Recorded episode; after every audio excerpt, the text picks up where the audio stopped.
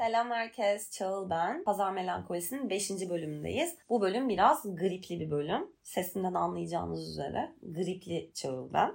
Ama bunu dert etmiyorum. Çünkü beni hiçbir şey pazar melankolisi yaşamaktan alıkoyamaz. Artık bölümleri iki haftada bir yayınlamaya karar verdim. Çünkü şöyle oluyor. Bir bölümü yayınlayıp arkadaşlarıma gönderdiğimde maşallah bölümler takır takır dinleniyor. Göndermediğimde dinlenme sayısı ilk hafta düşük oluyor. Ama ikinci hafta artıyor. O yüzden her bölümün hakkınca dinlenmesini istediğim için iki haftada bire geçiş yapmış bulunuyorum şu an itibariyle. Bu grafiği takip ederek stratejimi her an değiştirebilirim. Haberiniz olsun. Bu podcast'te her an her şey olabilir çünkü. Bakarsınız Cuma Neşesi diye bir bölüm atarım arada. Olur mu? Olur. Neyse biz pazar melankolimize devam edelim. Bu hafta hayatında hem çok kötü hem de çok iyi bir şey oldu. Ondan bahsederek giriş yapacağım. Önce kötü haberi veriyorum. Evde zeytinyağı bitti çocuklar. Bir tansiyon düşmesi yaşadım o an. Bir moralim bozuldu, betim benzim attı. Sonra dedim çal sakin ol. Sen Çanakkale'de ikamet ediyorsun artık. Burası zeytin memleketi. Çözülür bu iş. Zeytinyağı almak için konkordato ilan etmene gerek yok dedim kendi kendime. Kendimi böyle böyle telkin ettim. İşe döndüm. Şimdi geliyoruz güzel habere. Mesaiden sonra babam aradı ve güzel haberi verdi. Bizim zeytinlerin yağı hazır. Evdeysen getireyim dedi. O an dünya bir saniyeliğine güzelleşti benim için. Oh be dedim hayat ne güzel ya. Yani roller coaster gibi çalkantılı bir haftaydı benim için. İşte hayat böyle çocuklar ya. İnişler ve çıkışlardan ibaret. Onun dışında bu hafta iş kaostu. Kafamda milyonlarca düşünceyi aynı anda çözmeye çalıştım. Kafamda filler tepiniyor anlayacağınız. Bir hafta ne kadar yoğun geçerse o haftanın pazar günü de o kadar sorgulamalı geçiyor benim için. Değer mi ya diye düşünüyorum hep. Yani bize ayda bir ödeme yapıyorlar diye ruhumuzu bu kapitalist sisteme satıyoruz ya. Değer mi? Beden yorgunluğu evet berbat bir şey ama zihin yorgunluğunun da ondan aşağı kalır bir yanı yok ki ya. Kafamın ne kadar yoğun olduğunu bazen fark etmiyorum. Ama bir an geliyor öyle bir dalgınlık yapıyorum ki oha diyorum kendime. Oha çal bunu yapmış olamazsın diyorum. Beynimdeki nöronlar da benimle birlikte fazla mesai yaptıkları için benden intikam alıyorlar diye düşünüyorum böyle anlarda. Bana küçük oyunlar kurguluyorlar sanırım. Şey diyorlar kendi aralarına bak bak Çağla nasıl bir dümen çevireceğim şimdi. Bu geyiği yapıyorlar ve benim bu hani yoğunluğu fark etmemi istiyorlar bu dalgınlıklar aracılığıyla diye düşünüyorum. Bakın şimdi içler acısı bir dalgınlık anlatacağım size. Geçen gün çamaşır makinesini çalıştırdım.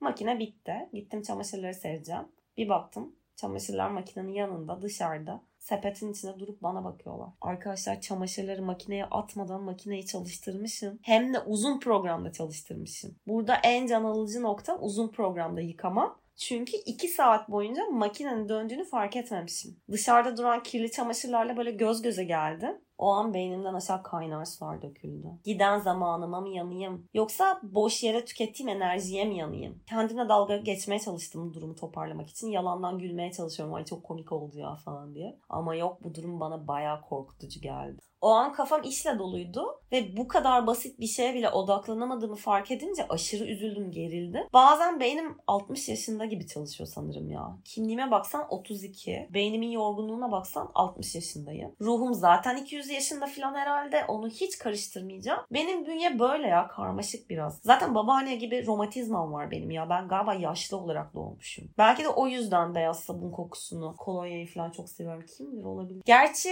Kesin sizin de vardır saçma dalgınlıklarınız buna benzer ama benim için hiçbir dalgınlığım şirket laptopunu takside unutup bir daha bulamamamla boyu ölçüşemez abi. Gitti laptop. Helvasını kavurdum arkasından bayağı. İçim acıyor hala düşündükçe. Bunları yaşadıkça işte beynimin tatile gitmesi gerektiğini düşünüyorum. Alsın başını gitsin sessiz bir yere dinlensin biraz abi. Çok yordum onu yıllardır. 32 senedir aktif olarak çalışıyor. Dinlenmek onun da hakkı. Ben onun yerinde olsam ben de isyan ederdim. Ama onu tatile gönderecek bir senaryo yok tabii. O yüzden dinlenmek adına farklı yöntemler geliyor benim aklıma.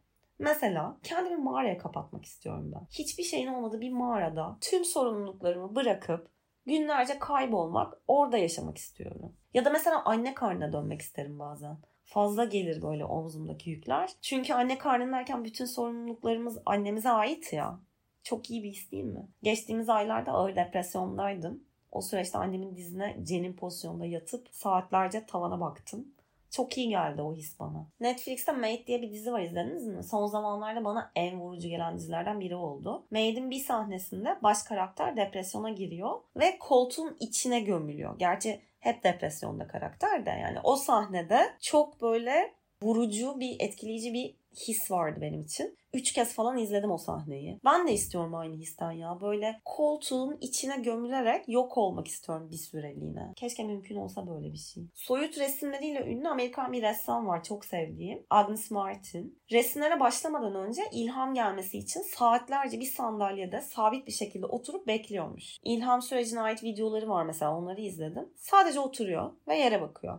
Duruyor öyle koskoca ressam bir bildiği var e, belli ki. Mesela siz de aşırı yoğun tempolu iş günlerinizden sonra eve gelip sadece tavanlara bakmak istemiyor musunuz? Böyle yatıp duvara ve tavana bakma hissi. Yani yaratıcı insanların kaostan beslendiği ve kaostan bir şeyler ürettikleri doğru ama o kaosun bir şeye dönüşebilmesi için durmak ve kafayı boşaltmak gerekiyor bazen. Aynı ressama ait çok sevdiğim bir söz var. Hatta bu bölümün adını o cümleden esinlendim. Diyor ki Beynin tatili olan neşe ne ise resimde odur. Neşeyi konumlandırdığı yere bakabilir bakar mısınız? Çok güzel değil mi? Beyin tatili olarak konumlandırmış onu. Çok hoşuma gitti. Biz beyin tatilinin ne demek olduğunu bile bilmiyoruz bence. İş yerlerimizden izin alıp tatile çıkıyoruz ya.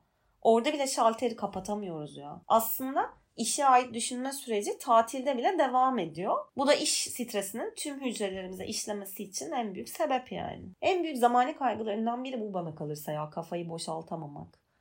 Halbuki bir hafta 10 günlük tatiller yerine bir aylık hadi bir de bilemedin 3 haftalık aralıksız tatiller yapsak ne güzel toplarız kafayı. Bir haftalık izinleri 40 dakikalık masajlara benzetirim ben. Başladığı anda bitecek diye kaygı yaratıyor insanda. Tam tadını çıkarmaya başlıyorsun. Hop bitiyor. O yüzden masaj dediğin en az bir saat olmalı.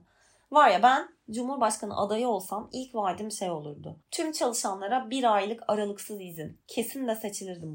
Uykuda bile beynimiz tatile çıkamıyor arkadaşlar. Uykuda bile. Çünkü uyurken de rüyalarla boğuşuyoruz. En son rüyamda Squid Game'e katıldığımı gördüm. Hayatım için kumar oynuyordum bak gerginliğe bak. Rüya denmez buna zaten düpedüz kabus bu da. Yani gün içinde survive ettim yetmiyor bir de rüyalarda tırmalıyorum hayatta kalmak için. Hani stresli olduğumuz anlarda gördüğümüz sabit rüyalar var ya böyle okul dönemlerimize ait günlere geri döneriz. Eski öğretmenlerimizi görürüz, ilkokul arkadaşlarımızı görürüz. Çünkü ergenlikte Türkiye'de kabusumuz olan sınav stresi yetişkin bir insanın yaşadığı en kallavi streslerden biri bana kalırsa. Ya bu ülkede daha doğduğumuz an başlıyor zaten manasızlıklar. Doğduğumuz anda ismimizin ne olacak kritik mesela. Dedemizin, babaannemizin adını yapıştırıyorlar hemen. Ben eminim 2021 yılında hala İbrahimler, İsmailler, Müesserler, Melialar doğuyordur bu memlekette. Gerçi şimdi eski isimler vintage oldu. O yüzden de kulağa hoş geliyor ama bizim zamanımızda öyle değildi. Ya bize doğduktan sonra 40 gün evden çıkarmıyorlar ya. Oksijen almamız yasak. Hapis hayatı yaşıyoruz. Neymiş? 40'ı çıkmadan olmazmış. Bitmiyor ki dertler. Saysam roman olur. Yine de en stresli sınav dönemiydi herhalde. O yüzden bu kadar çok rüyalarımıza giriyor.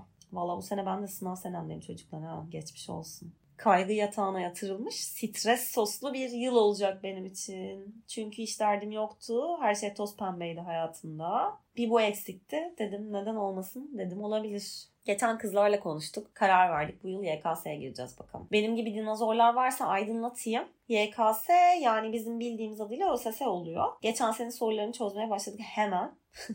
Bu sene benim için çok stresli olacak yani. Çünkü mezuna kalmak istemem. Dershaneler de kapandı artık. Mecbur YouTube'dan çalışacağız konulara. Kışın çalışalım da yaz geldiğinde çalışmak zorunda kalmayalım istiyoruz. Gezelim tabii değil mi? Denize gidelim yazın. Çalışmak sıkıcı oluyor yaz aylarında.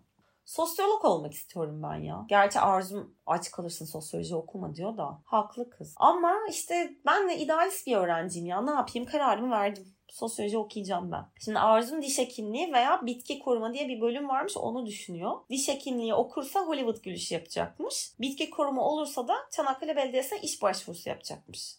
Mantıklı, uygun. Ekin zaten gastronomi istiyordu en başından beri. En kararlımız o. Soru çözerken de fena değil ha. Çatır çutur çözüyor. Zaten ağırlığını koydu. Belli oldu kızlar çalışmamız lazım. Çalışmadan kazanamayız falan diye gaza getiriyor bizi sürekli. Görmeniz lazım. İnanılmaz ciddiye aldık olayı ve anında odaklandık sınava. Yalnız Türkçe soruları artık bayağı şaşırtmalı olmuş biliyor musunuz? Bir soru çözüyorum. Cevap kavak gibi ortada ama şaşırtmalı bir seçenek daha var. Diyorum ki bu kadar kolay olamaz cevap. ÖSYM bu kadar düz düşünmüş olamaz. Kesin şaşırtmalı bu soru diyorum. Diğer cevabı işaretliyorum. Sonra bakıyorum cevaba. Meğer şaşırtmalı falan değilmiş. Cevap o kadar düzmüş. Neyse şimdi anladım ÖSYM'nin soru stilini. Bundan sonra düşman mutuzu artık. Derin düşünmek falan yok. Kabak gibi ortada olan cevabı. işaretle geç. Allah bize zihin açıklığı verir inşallah ya ne diyeyim. Kim bilir belki 3. sınıfta 35 yaşında Erasmus'a giderim yeniden. Zaten uzaktan çalışıyorum. Alırım laptopumu. İtalya'dan çalışırım bir dönem. Baktım araştırdım. İtalya ile ortaklığı varmış sosyoloji bölümünün çünkü. Gerçi Türk lirası kazanıp Avrupa'da yaşama fikri düpedüz saçmalık ya. Fakirlikten derslerime odaklanamam. Veremem dersleri ya. Hepsi F gelir. Fark ettiniz mi? Ben az önce 3 sene sonrasının gerçek dışı kaygısını yaşadım. Hatta en az 3 sene sonrasının kaygısı diyelim. Sanki sınavı kazandım da iş bu dertlere kaldı. Manasızın daniskası ya. Hadi kazandım diyelim okulu. Okula devam edebilecek miyim? Muallak. Kesin üşenirim ben bir noktada ya. Kim çalışacak ya sınava deyip holaya giderim, bira içerim, takılırım orada. Ama tamam. Hadi devam ettim. Tercihimi hola yerine antreden yana kullandım çalışkan bir öğrenci oldum. Gidiyorum antrede çalışıyorum. Nitelikli kahvemi içiyorum. Bakıyorum sorularımı çözüyorum. Sakin sakin keyfime bakıyorum. Üçüncü sınıfa geçtim bu şekilde. Erasmus için notlarımın iyi olması lazım bir kere. Okey notlar da tamam olsun. Diyelim ki bölüm dersleri çok hoşuma gitmiş. Çok çalışmışım. Ya millet Erasmus için birbirini bıçaklıyor. Ben o strese gelemem ki. Var ya Z kuşağı beni suya götürür. Susuz getirir yemin ediyorum. Arkadaşlar işte böyle benim kafamın içi ya. Gerçek olmayan gereksiz kaygılar Festivali gibi. Festivalin ana sahnesinde iş kaygısı var.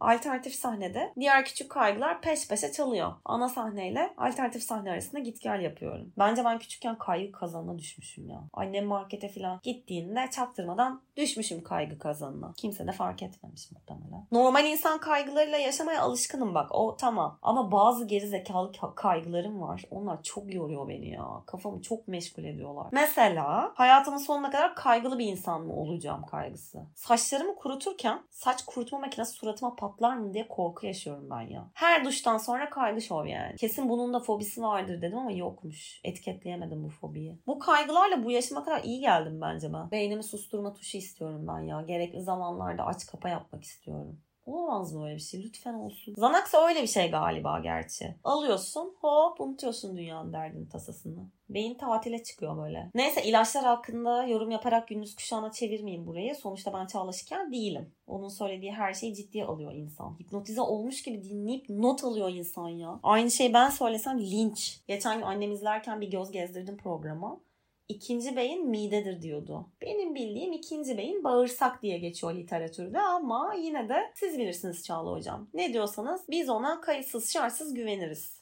Acaba Canan Karatay ne yapıyordur şimdi ya? Gündüz kuşağı deyince aklıma geldi. Kelle paça çorbası mı içiyordur acaba? Yoksa beyaz ekmeğe trip mi atıyordur? Beyaz ekmek neden bir anda düşman edildi ya? Mecburen hepimiz tam tahıllı ekmeklere döndük ama benim gözümde bir somun ekmeğin yerini hiçbir şey tutamaz. Sulu yemeklerle tam tahıllı ekmek yakışıyor mu Allah aşkına? Bunu birinin itiraf etmesi lazım. Kuru fasulye gibi efsane bir lezzete eşlik edebilecek şeyler belli. Pilav olur, yoğurt olur, turşu olur veya beyaz ekmek olur. Bakın kuru fasulye kırmızı çizgim. Onu bunun layığı beyaz ekmektir ya. Neden bu kadar sinirlendiysem? Açıkçası gustolar uğruna beyaz ekmeği biraz harcadık gibi geliyor bana. O yüzden sinirlendim sanırım. Mesela sosis de tedavülden kalktı. Tamam hadi o bayağı işlenmiş etlerin şahı, padişahı olduğu için kaçarak uzaklaştık kendisinden. Ama beyaz ekmeğe, beyaz una biraz daha anlayışlı davranalım lütfen. Aslında bu beyaz ekmeğe anlayış gösterme mevzusu bize rehber olabilir biliyor musunuz? Şimdi bir dakika böyle deyince çok saçma geldi değil mi? Ama anlatacağım. Bu aralar herkese ve her şeye çok tahammülsüz değil miyiz? Evet öyleyiz. Öyle davranıyoruz. Bu tahammülsüzlüğümüzü kırmaya beyaz ekmekle başlayabiliriz biliyor musunuz? Sofralarımıza haftada bir gün, bir öğün beyaz ekmeği dahil etsek böyle böyle anlayış eşiğimiz yükselmez mi? Şey demeye çalışıyorum. Kimse sevgilisinin eski sevgilisine ne bileyim ya da iş yerindeki zorba patronuna kolay kolay tahammül göstermez değil mi? Ama sıcacık bir beyaz ekmeğe rahatlıkla tahammül edebilir. Tahammül seviyemizi böyle böyle yükseltebiliriz. Bence fena bir farkındalık olmadı bu. Bunu uygularsak ara ara çiçek gibi bir toplum olma yolunda yolunda adım atabiliriz gibi geliyor bana. Parola şu. Haftada bir Bir öğün beyaz ekmeğe anlayış göster. Bakın böyle bir olumlamamız olacak sadece. Yoksa bir noktada hepimiz sinirden birbirimizi boğazlayacağız iş yerlerinde ya. İstifayı geçtim. Bu sinir krizleri yüzünden tek tek kovulacağız hepimiz. Ya tam içimden diyordum ki bu bölüm istifaya gelmedik. Tatlı tatlı bitirelim. Aa, yok olmadı. Yine bağladık El Clasico. O zaman tatam tatam tam bitirelim bölümü. Pazar melankolisini benimle paylaştığınız için teşekkürler dostlar. Kendinize iyi bakın. Beyaz ekmeğe daha şefkatli yaklaşmayı unutmayın. Ayrıca mümkünse beyninizi tatile çıkarmanın bir formülünü bulun. Bulursanız bana da haber verin lütfen. Ha yalnız bu pazar sizden bir ricam var şimdi benim. Ben şimdi bu podcast'i sosyal medya hesaplarından paylaşamıyorum ya hani. Bunun daha fazla kişiye ulaşması için ne yapabiliriz sizce? Kendi Instagramlarınızdan falan paylaşın demiyorum. Haşa. Ama mesela bu bölümleri sevebileceğini düşündüğünüz arkadaşlarınız olursa onlarla paylaşabilirsiniz. Çünkü fena gitmiyoruz. 150 dinlemelere koşuyoruz. Mesela beni Denizli'den, Manisa'dan falan dinleyen varmış. Onlar kim hiçbir fikrim yok. Çok da mutlu oldum. Hoşuma gitti. Hadi bir el atın be. Elden ele yayalım şunu. Çünkü bakın çok emek harcıyorum. Sevaptır. Neyse yalvarma seansı gibi oldu ya. Utandım bir an. Hadi hemen kapatalım bu konuyu. Bir sonraki bölümde görüşmek üzere çocuklar. Bu pazarki arkadaşlarınız için tekrar teşekkür ederim. İyi haftalar şimdiden. Pazartesi günü için migren ağrılarınız pazar akşamından tutuyorsa, mideniz kötü oluyorsa üzülmeyin yalnız değilsiniz.